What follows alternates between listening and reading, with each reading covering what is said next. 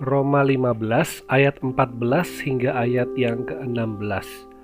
Saudara-saudaraku, aku sendiri memang yakin tentang kamu bahwa kamu juga telah penuh dengan kebaikan dan dengan segala pengetahuan dan sanggup untuk saling menasehati. Namun karena kasih karunia yang telah dianugerahkan Allah kepadaku, Aku di sana sini dengan agak berani telah menulis kepadamu untuk mengingatkan kamu, yaitu bahwa aku boleh menjadi pelayan Kristus Yesus bagi bangsa-bangsa bukan Yahudi dalam pelayanan pemberitaan Injil Allah, supaya bangsa-bangsa bukan Yahudi dapat diterima oleh Allah sebagai persembahan yang berkenan kepadanya yang disucikan oleh Roh Kudus apa yang sudah Paulus tuliskan kepada jemaat di Roma sebenarnya bukanlah hal yang baru, bukanlah hal yang tidak diketahui oleh mereka. Paulus mengetahui kondisi yang terjadi. Ia juga tahu akan gambaran besar tentang jemaat yang ada di kota Roma. Masing-masing sebenarnya sudah punya pengetahuan dan kemampuan yang lebih dari cukup Bahkan di sana Paulus menuliskan, "Kamu punya pengetahuan dan sanggup untuk saling menasehati." Tetapi realita yang terjadi kenyataannya adalah dengan kemampuan dan pengetahuan tersebut justru membawa jemaat di Roma saling berkonflik, terutama golongan Yahudi dan golongan non-Yahudi. Inilah yang membuat Paulus menuliskan suratnya kepada jemaat di Roma. Paulus ingin agar dua golongan tersebut tidak saling mempertahankan dirinya mereka masing-masing, tetapi lihatlah akan kehendak Tuhan, lihatlah akan rencana Tuhan, lihatlah akan kasih Tuhan, terutama pada pribadi Paulus seorang yang belum pernah ke Roma, tetapi sungguh bersyukur akan keberadaan jemaat di Roma.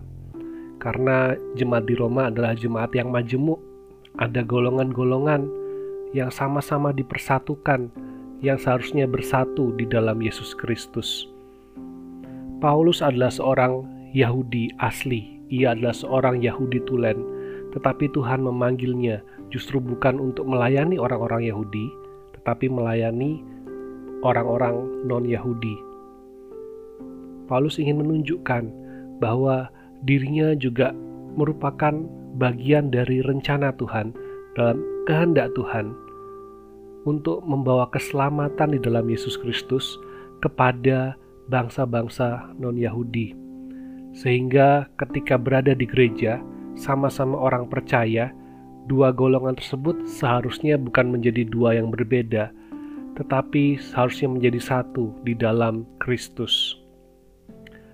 Bagaimana menjalani akan perbedaan ini?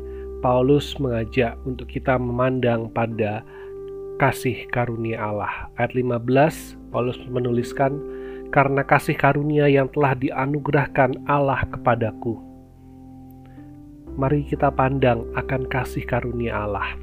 Inilah yang membuat kita bisa menerima orang lain, sebab karena kasih karunia kita diterima oleh Allah. Mari kita renungkan kembali akan anugerah Tuhan, akan kasih karunia. Inilah yang menguatkan kita untuk kita dapat mengampuni orang lain, karena kasih karunia Allah kita diampuni di dalam pengorbanan Yesus Kristus. Mari kita hidup di dalam penuh syukur, mensyukuri akan kasih karunia Allah, mensyukuri akan anugerah Tuhan.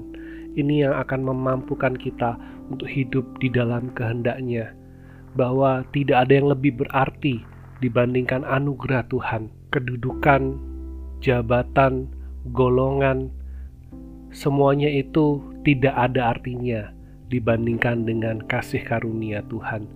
Kasih karunia yang begitu besar telah kita terima. Oleh sebab itu, mari kita hidup di dalam kasih karunia Allah, dan biarlah kita mempunyai tujuan hidup yang baru, sebagaimana tujuan Paulus yang ia tuliskan, bahwa ia melayani untuk membawa bangsa-bangsa menerima berita Injil Allah. Biarlah setiap kita juga punya tujuan ini, yaitu dipakai Tuhan untuk mengabarkan Yesus kepada sebanyak-banyaknya orang yang kita kenal, sehingga keselamatan di dalam Yesus Kristus boleh disampaikan dan banyak orang boleh mendengar serta menerima Yesus Kristus sebagai Tuhan dan Juru Selamat. Biarlah di dalam kasih karunia ini kita boleh bermegah, di dalam kasih karunia ini kita boleh bersuka cita, di dalam kasih karunia ini kita boleh bersemangat untuk terus melayani Tuhan di dalam segala aspek kehidupan kita. Selamat menjalani hari, Tuhan Yesus memberkati.